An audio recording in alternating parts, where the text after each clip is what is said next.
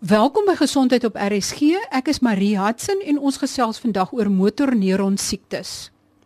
Die rugbylegende Joos van der Westhuizen is verlede maandag oorlede na 'n dapper en moedige stryd van meer as 6 jaar teen motorneuron siekte.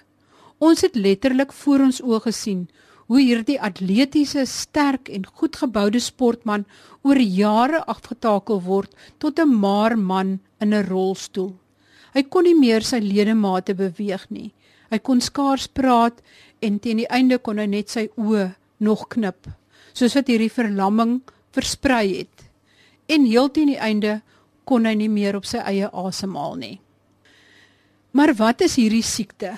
En hoekom takel dit 'n mens so af?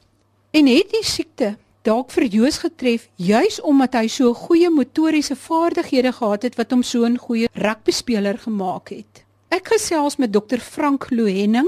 Hy's neuroloog verbonde aan die Universiteit van Stellenbosch se mediese fakulteit en die Tygerberg Hospitaal en ek gesels met hom om meer uit te vind oor hierdie siekte. Dokter Henning het 'n spesiale belangstelling in motorneuron siektes. Om die waarheid te sê, hy het verder in Nederland hierin gespesialiseer.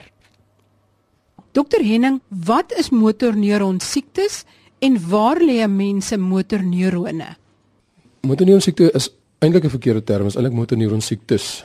Want dit verwys na 'n hele groep van siektes wat motoriese neurone aantas. Nou hierdie motoriese neurone begin in jou frontaal lob in die brein. Dit daal af deur die breinstam in die spinaalkoord en daar kontak dit die onderste motorneuron wat uit die spinaalkoord het dan verloop na die ledemate toe, byvoorbeeld in die hande of of die voete en dan ook natuurlike ander spiere soos respiratoriese spiere ensovoorts. So motoriese neurone of motorneurone is 'n hele groep van boonste en onderste motorneurone wat eintlik deur die hele senuweestelsel strek. Dokter Henning, wat gaan dan fout? Wat moet hierdie neurone doen en wat loop verkeerd? Enige beweging of dit nou willekeurig is van byvoorbeeld die hand of onwillekeurig soos asemhalingsspiere word genereer deur hierdie neurone en dit is hulle werk enige enige beweging wat ons dus uitvoer. Wat verkeerd gaan is dat hierdie groep van neurone begin vir een of ander rede afsterf. Wat dit presies veroorsaak is nog baie onduidelik. Ons ons weet dat dan tussen 5 tot 10% van mense is dit as gevolg van 'n genetiese probleem. So dis 'n mutasie in een van 'n groot klomp verskillende gene wat dit veroorsaak, maar dit is die minderheid van gevalle. Min of meer 90% van gevalle weet ons dus nog nie heeltemal wat dit veroorsaak nie. Maar wat in essensie gebeur is dat hierdie neurone begin afsterf en dit is 'n proses wat sprei na naasliggende neurone en éventueel alle motoriese neurone kan affekteer afhangende van watter tipe van motorneuron siekte ons ons van praat. Kan jy vir ons so 'n bietjie meer inligting gee oor die verskillende tipes en hoe hulle van mekaar verskil? Dit is tot 'n mate 'n kunsmatige verdeling ook want ons weet dat daar groot oorvreding is tussen die verskillende tipes. Die die algemeenste vorm is bekend as ALS of amyotrofiese laterale sklerose. Ongeveer 90% van gevalle is ALS en dit tas beide boonste en onderste motoriese neurone aan. So as ons lees van motorneuron siekte in die literatuur, is dit gewoonlik die een waarna verwys word. So eintlik is ALS teoreties 'n subtipe van motorneuron siekte, maar omdat dit die algemeenste is, word die term eintlik maar tussen die twee gebruik om om dieselfde siekte te beskryf. So ALS is die een subtipe, dan kry jy PLS wat staan vir primêre laterale sklerose. Dit is 'n vorm wat slegs boonste motorneurone aantas. Dit is ook 'n baie stadiger verlopende proses as ALS, so waar die gemiddelde oorlewing vir vir ALS is tussen 2 tot 4 jaar. Weet ons eintlik nog nie wat die gemiddelde oorlewing vir PLS is nie, want die meeste studies waarna gekyk het, gaan nog aan aangesien mense nie werklik sterf van PLS nie. Natuurlik veroorsaak dit ook inkorting van funksies, maar dit is nie iets soos ALS wat mense so vroeg laat sterf nie. Dan kry ons die ander vorm word genoem PMA of progressiewe muskulêre atrofie. Dit is dan die groep wat hierdie onderste motoriese neurone aantas. Hierdie groep is 'n bietjie meer heterogeen. Daar's weer subgroepe in hierdie groep wat byvoorbeeld net sekere spiergroepe aantas, byvoorbeeld net die skouergordel of net die net die voete. Is baie skaars nou, maar die grootste deel van hierdie groep is die wat oor die hele liggaam aantas en daar's nie regtig lyk dit vir ons 'n verskil tussen die spoed van verloop tussen hierdie groep en ALS nie maar die algemeenste vorms by verre ALS en dis die een wat ons gewoonlik oor praat as ons praat van motorneuron siekte. Daar's nou ook nog 'n vierde tipe in die naam van progressiewe bulbêre verlamming. Engels is progressive bulbar palsy. Dit is 'n vorm wat hoofsaaklik die slukspiere en die spraakspiere aantas en dit kan vir baie jare beperk bly tot tot hierdie spiere. Kan jy vir ons 'n tipiese verloop van ALS beskryf? Wat is die eerste simptome wat 'n persoon gewoonlik agterkom? Waarom gaan hy dokter toe en hoe verloop dit dan? En is daar enige iets wat mens kan doen om daai verloop te verstadig of dalk te stop? Die meeste pasiënte sal vind dat daar 'n spesifieke deel van die liggaam is wat eers aangetast word. Dis maar redelik versprei oor die liggaam. Sommige mense begin met dit agterkom 'n spraak raak 'n bietjie moeilik, sleep miskien 'n bietjie raak stadiger of hulle voel dat hulle begin sukkel om te sluk, met miskien twee keer sluk om om kos af te kry. Ander pasiënte sal weer agterkom dat hulle handgreep swakker raak en sukkel om die fyn motoriese bewegings uit te voer met die hand. Ander mense sal weer begin struikel en voel dat die die voete begin 'n bietjie sleep een voet of beide begin sleep. So dit kan enige plek in die liggaam begin. Dis raar om in die respiratoriese spiere te begin, maar enige van die ander drie wat ek nou genoem het, kan dit wel in begin. En hiervanaf sal dit dan gewoonlik sprei na ander areas. Byvoorbeeld, een hand sal begin en dit sal dan oorsprei na die res van die arm en dan die ander arm en daarvan af dan na die been of bene of na die slukspiere en spraakspiere en eventueel dan na die oorblywende groepe wat nie aangetast is nie. So dis is 'n tipe van 'n verspreidingspatroon wat wat mense kan identifiseer. Dit begin in meeste mense in 'n in 'n spesifieke area, enige een van die drie wat ek genoem het en versprei daarvan af uit na die ander areas toe. Op hierdie stadium is daar ongelukkig niks wat gedoen kan word om hierdie verloop te stop nie. Daar is wel 'n middel op die mark met die naam van Riluzole. Dit is baie duur, ek dink dit is op die oomblik ongeveer 5.500 rand 'n maand. En hierdie middel is wel bewys om die verloop effens te verstadig. Gemiddeld in die studies wat gedoen is, enkele maande, maar ons is nog nie heeltemal seker presies hoe lank nie. Hierdie middels enige middel het potensiële neeweffekte, maar is omkeerbaar. In Suid-Afrika is daar min mense wat dit gebruik, ek vermoed maar om die groot prys wat daaraan gekoppel is, maar in Europa en Verenigde State is die meeste pasiënte met motorneurone siekte wel op hierdie behandeling. As iemand dan nou ALS het, wat maak dan uiteindelik dat hy nie meer kan lewe nie? Ja, dis 'n baie relevante vraag meeste mense gediagnoseer word en hulle familielede eerste ding wat hulle dink of hoor soms is dat my einde gaan kom deur dat ek gaan verstik en gaan versmoor. Dit is gelukkig in 99% van die gevalle totaal onwaar. Daar is mooi studie gedoen nou oor 'n hele paar honderd pasiënte het gekyk het na wat wat is die uiteindelike manier hoe pasiënte sterf en met weinig uitsondering is dit gewoonlik stadige rustige afsterwe in die slaap. En die rede daarvoor is dat die probleem sterfte veroorsaak is gewoonlik dat die asemhalingsspiere baie verswak en dan bou koolstofdioksied in jou bloed op. Koolstofdioksied as jy konsentrasie te hoog raak werk amper soos 'n narkosemiddel, so dit maak jou vaak en onderdruk jou bewussyn verder. So meeste mense sal as gevolg van dit dan basies net op 'n asemhaal en 'n slaap sonder werklike lyding. Natuurlik die voorafgaande paar weke of maande is ongemaklik want daar's meeste van die tyd ook probleme met sluk, sukkel om plat te lê om met asemhaling dan 'n probleem kan raak. Daar's speeksel wat 'n probleem kan wees, maar dit is ongemak. Dit is nie die terminale gebeurtenis nie. Dit is bitter min dat mense verstik en as gevolg van dit versmoor.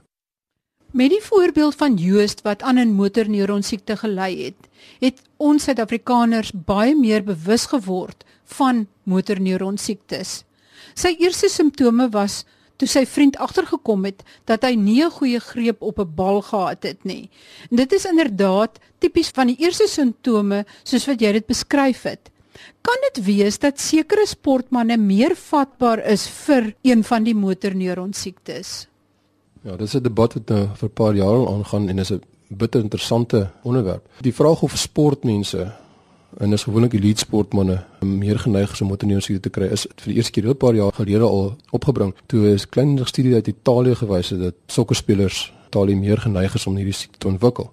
Daar was heelwat teenkanting van verskillende epidemiologiese kenners hieroor, maar meer onlangs is daar in Amerika baie goeie studie uitgevoer op NFL spelers. So dis nou professionele voetbalspelers en dit lyk wel of die insidensie of die kans om motorneuronsiekte te ontwikkel in die professionele voetbalspelers ongeveer 5 tot 6 keer hoër is as in die normale populasie. Dit is ook tot 'n mate waar vir Parkinson siekte wat op 'n manier of verwant is aan motorneuronsiekte, beide is neurodegeneratiewe siektes soos dit sou noem. So dit wil tog meer lyk of al wel 'n risiko verbonde is aan elite sportmense. Die vraag is wat die meganisme daarvan is. Een van die teorieë is dat dit byvoorbeeld insekdoders op die veld is wat gebruik word of byvoorbeeld sekere somme wat op gras groei.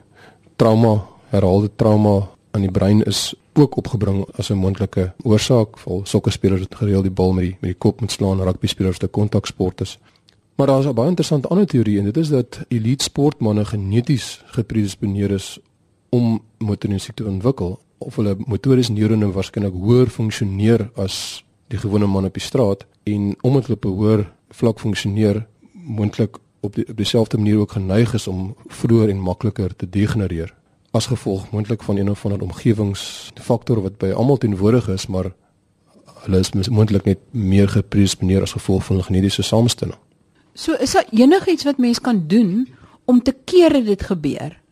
Op hierdie stadium kan ek nie ja antwoord nie omdat die belangrike ding sou wees om eers te identifiseer wat is die risikofaktore en dan eers kan 'n mens dit probeer vermy. Maar byvoorbeeld as mens praat oor oor insekdoders, daar is 'n hele paar jaar terug 'n kleiner studie gedoen waar dit opgekom het as 'n moontlike risikofaktor, maar in 'n herhaalstudie wat groter groep pasiënte ingesluit is en beter uitgevoer is, het dit weer nie opgekom as 'n risikofaktor nie. Dis juist gedoen om dit verder te gaan ondersoek. Dit lyk nie op hierdie stadium of dit noodwendig 'n risikofaktor is nie. En ons het nie werklik enige ander goed geïdentifiseer in ons samelewing in westerse samelewings wat dit wel kan veroorsaak noodwendig nie.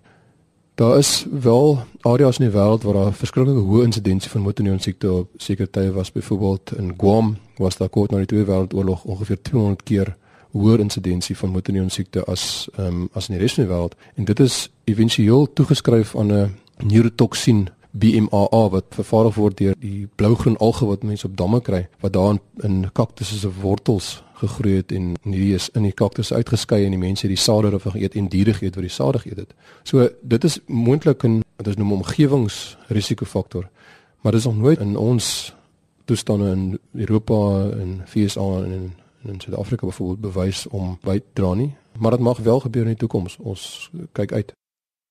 Gaan kyk gerus op www.rsg.co.za. Onder topstories is illustrasies en sketse en agtergrondinligting gelaai oor hoe motorneuron siektes werk. Gaan kyk gerus. Dr Henning, hoe algemeen is ALS in Suid-Afrika en hoe vergelyk die insidensie met die res van die wêreld? By die stadium kan ek die vraag nie antwoord nie omdat daar nie data vir Suid-Afrika beskikbaar is nie. In die res van die wêreld is die insidensie erns tussen 1 tot 2 per 100 000 nuwe gevalle per jaar. So sê tussen 10 en 20 per miljoen populasie per jaar nuwe gevalle. Ons weet in Suid-Afrika ons het nog nie enige data daaroor kon kry nie. Ek is in die proses om dit te probeer doen oor die volgende paar jaar. Ons populasie se samestelling is natuurlik heeltemal anders as die lande waarin dit wel gedoen is, meestal Europa, ehm um, FSA en sekere oosterse lande. Ons samestelling is heeltemal anders en ek is baie geïnteresseerd in wat die populasie samestelling doen vir insidensie en of dit dieselfde tussen verskillende bevolkingsgroepe is. Uh, maar op hierdie stadium kan ek dit nie antwoord nie. Ek wil terugkom na die behandeling van ALS of motorneuron siektes. Jy het gesê daar is 'n middel, dis wel baie duur, maar dit vertraag tog die agteruitgang van die siektes. Maar iemand wat ervaar hoe sy liggaam agteruit gaan, soos byvoorbeeld iemand met 'n motorneuron siekte of kankerpasiënte, kan maklik die prooi word van fofie medisyne. Hoe hanteer julle dit? Dis 'n baie moeilike kwessie. Mense wil nie enige hoop wegvat nie, maar terselfdertyd wil mense ook nie vals hoop skep en groot te veel geld laat spandeer aan pasiënte ensovoorts nie. Wat ons probeer doen uh, en dit is universeel oor die nie net in motorneurone siekte nie, maar in medisyne wêreldoor is om 'n beginsel van wat in Engels noem evidence based medicine of bewysgebaseerde gesondheid te volg. En, en dit bepaal dit mens eers 'n behandeling voorstel of aanbeveel as daar duidelike bewyse is dat dit wel werk. Nou dit is natuurlik moeilik in iets soos motorneurone siekte want dit mag 'n nuwe behandeling wees wat nou net besig is om getoets te word. Daar's nog goeie data voor nie, maar 'n pasiënt met motorneurone siekte het nie 10 jaar om te wag om te sien wat is die uiteindelike uitkomste daarvan nie. So dis 'n baie moeilike kwessie wat ek gewoonlik probeer doen is om te kyk na die teoretiese gevare van 'n middel en die teoretiese voordele van 'n middel om te besluit of dit moet werd is om om aan te beveel. In die meeste gevalle sal mense dan probeer om die klein bietjie bewys wat daar wel is na te kyk, maar ek dink meeste van die tyd sal ek moet sê dat common sense word dit bepaal. Daar is 'n webwerf met die naam van ALS Untangled wat mense na kan gaan kyk. Dis dis 'n hele groep van experts in Europa en VSA wat enige middel of behandelingsmodaliteit om dit so te stel wat opgebring word as 'n moontlikheid na gaan probeer kyk na die data en dit analiseer en op hierdie webwerf dit dan publiseer om, om potensiële voordele en nadele uit te lig of gevare. So dis miskien hoe te werk na te gaan kyk, maar dit bly vir ons 'n moeilike kwessie. Jy word van middels wat getoets word word vir ander siektes gebruik. 'n Paar jaar terug byvoorbeeld lithium was in nuus geweest Uh, en daar was teoretiese voordele of moontlikhede dit waarskynlik miskien kan werk in in ALS. En daar was 'n klein studie gedoen wat dit wel gewys het op dit voordelig is. En toe daar 'n groter studie gedoen word en hierdie is baie interessante ding geweest. Dis eintlik deur pasiënte met motorneuron siekte geïnisieer, nie deur 'n mediese sentrum nie, maar ehm um, dis wêreldwyd deur mense wat op 'n spesifieke webwerf met mekaar gekommunikeer het, na gekyk en hierdie data is dan geanaliseer deur statistiese kenners en dit blyk toe dat lithium eintlik nadelig mag wees omdat daar ander gevare in hom is, byvoorbeeld 'n nierversaking mag veroorsaak, maar geen voordelig um, invloed gehad op LS nie. So sommige middels sal wel voordele hê vir 'n siekte, maar ook nadele en as die voordele meer as die nadele kan mense sê dis moet werk te gebruik. Vir lithium byvoorbeeld was dit teenoorgestelde, was meer nadele as voordele ten spyte van die feit dat daar teoretiese moontlikheid was. Andermals is daar in die lab moontlikhede gewys dat neurodegenerasie mag vertraag, maar as dan getoets is in kliniese studies, het dit geen voordeel gewys nie, byvoorbeeld natriumvalproat en ehm um, sekere antibiotikas. En stamselle, kan stamselbehandeling help? Stamselle op hierdie stadium is nog onontwikkeld. Dis uh, soos Engels sê in its infancy. Ek dink daar's definitief potensiaal, maar om die diferensiasie van die stamselle te beheer in 'n spesifieke rigting is op hierdie stadium nog 'n probleem. Daar is gevalle gerapporteer waar dit getoets is in Parkinson siekte wat hierdie stamselle in 'n tipe van 'n kanker gediferensieer het en dit is eintlik gevaarlik was. So weer eens kom ek terug na my eerste stelling oor hierdie vraag en dit is die punt dat 'n mens eintlik moet bly by middels wat bewys is om te werk. Dokter Henning dan oor die PLS en die ander vorms. Volg dit maar dieselfde verloop of het dit 'n ander verloop omdat dit nou stadiger is? PLS byvoorbeeld het, het gewoonlik 'n redelike stereotypiese verloop en dit is dat in die ondersleutelmaat in die in die bene en die voete begin en dan na soms na enkele jare eers die arms mag betrek en of terselfdertyd of 'n bietjie later ook sluk en spraak maar hy volg baie baie stadiger verloop. Meeste pasiënte wat ek persoonlik sien met PLS in, in ons kliniek kom al na ons kliniek toe van voordat ek hier begin werk het min of meer. So die verloop is baie stadiger as vir ALS. Dit veroorsaak ook nie asemhalingsspier betrokkenheid genoeg om om simptome te veroorsaak nie. Die onderste motorneure variante, die PMA wat ek genoem het, soos ek gesê die die algemene vorm met min of meer dieselfde verloop as as ALS waar die ander variante wat byvoorbeeld net die die skouergordel aantas heel wat stadiger verloop as ALS ook. Dit mag wel 'n enkele jare oorskakel na ALS, gewoonlik gebeur binne die eerste paar jaar, so as dit vir 7, 8, 10 jaar steeds binne beperk is tot enkele spiergroepe is die kans dat dit wel gaan oorskakel na ALS baie skraal. PLS byvoorbeeld maak ons nie diagnose voor 4 jaar van simptome nie, want ons weet in die eerste 4 jaar mag wel nog onderste motorneure betrokkenheid na vore kom, maar na 4 jaar raak dit minder waarskynlik. Het motorneuron siektes 'n verband met enige ander siektes. Ons praat hierso van 'n tipe sklerose. Is dit enigstens verwant aan veelvuldige sklerose of enige ander tipe distroferende siektes? Nie werklik nie. Die die term sklerose verwys eintlik na 'n verharding van neurone. En hoekom dit in die twee siektes gebruik word is amyotrofiese laterale sklerose byvoorbeeld as jy autopsie gaan doen en na spinaalkoord gaan kyk is die motoriese bane verhard soos littekenweefsel basies. So sklerose is eintlik iets wat plaasvind in enige siekte wat neurone beskadig. In multiple sklerose of veelvuldige sklerose, weer eens die mense histologies gaan kyk daarna is die beskadigde areas ook verhard littekenweefsel en dit is waar die term sklerose vandaan kom. Veelvuldige sklerose is 'n inflammatoriese siekte wat immuungedrewe is. So dis 'n aanval wat jou eie immuunstelsel op sekere areas van die brein loods. So albei veroorsaak wel verergering soos die tyd aangaan, maar die meganismes is heeltemal verskillend, lyk dit vir ons. Kan jy vir ons 'n bietjie meer vertel fisiologies of anatomies van hierdie meganismes van die skade? Dit lyk of 'n motorneuron siekte of daar iets verkeerd gaan met die afbraak van ongewenste proteïene byvoorbeeld proteïene wat hulle lewensiklus uitgeleef het en nou afgebreek moet word. En hierdie afbraakprodukte word nie goed geprosesseer nie en dit loop dan op in neurone. Of dit net 'n teken is of eintlik die dood van die neuron self veroorsaak, is moeilik om te sê, maar dieselfde tipe proses gebeur in siektes soos Parkinson se siekte hierdie proses kan dan ook soos ek vroeër genoem het versprei van groepe neurone na ander groepe neurone toe en dit gebeur in ALS en dit gebeur ook in Parkinson se siekte. En dis een van die goed wat die twee siektes soort van saamvoeg op 'n manier. So met ander woorde selle wat waar dit in een sel verkeerd word kan hy amper 'n ander sel aansteek om dieselfde proses te volg. Korrek. Dit is nie noodwendig 'n infektiewe proses nie, maar dis uh, dit word vergelyk soms met groepe siektes wat ons noem prion siektes of Creutzfeldt-Jakob se siekte is een van die as mens terugdink hele paar jaar terug was in die nuus van die mad cow disease in Engeland wat veroorsaak is deur vleis wat met hierdie prion geïnfekteer was. So dit is 'n proteïen wat homself kan inplant basies in ander kopieë van die proteïen in, in normale selle. Dis nie presies dieselfde wat in ALS gebeur nie, maar die, die meganisme lyk of dit min of meer ooreenstem met ander woorde verspreiding van een sel na volgende toe. Ek probeer nie sê dat die proses aan die gang gesit word deur dat dit aansteek van byvoorbeeld iets wat jy eet of van 'n ander persoon nie, maar die proses wat in enkele groep selle begin in jou eie liggaam versprei na ander groepe toe.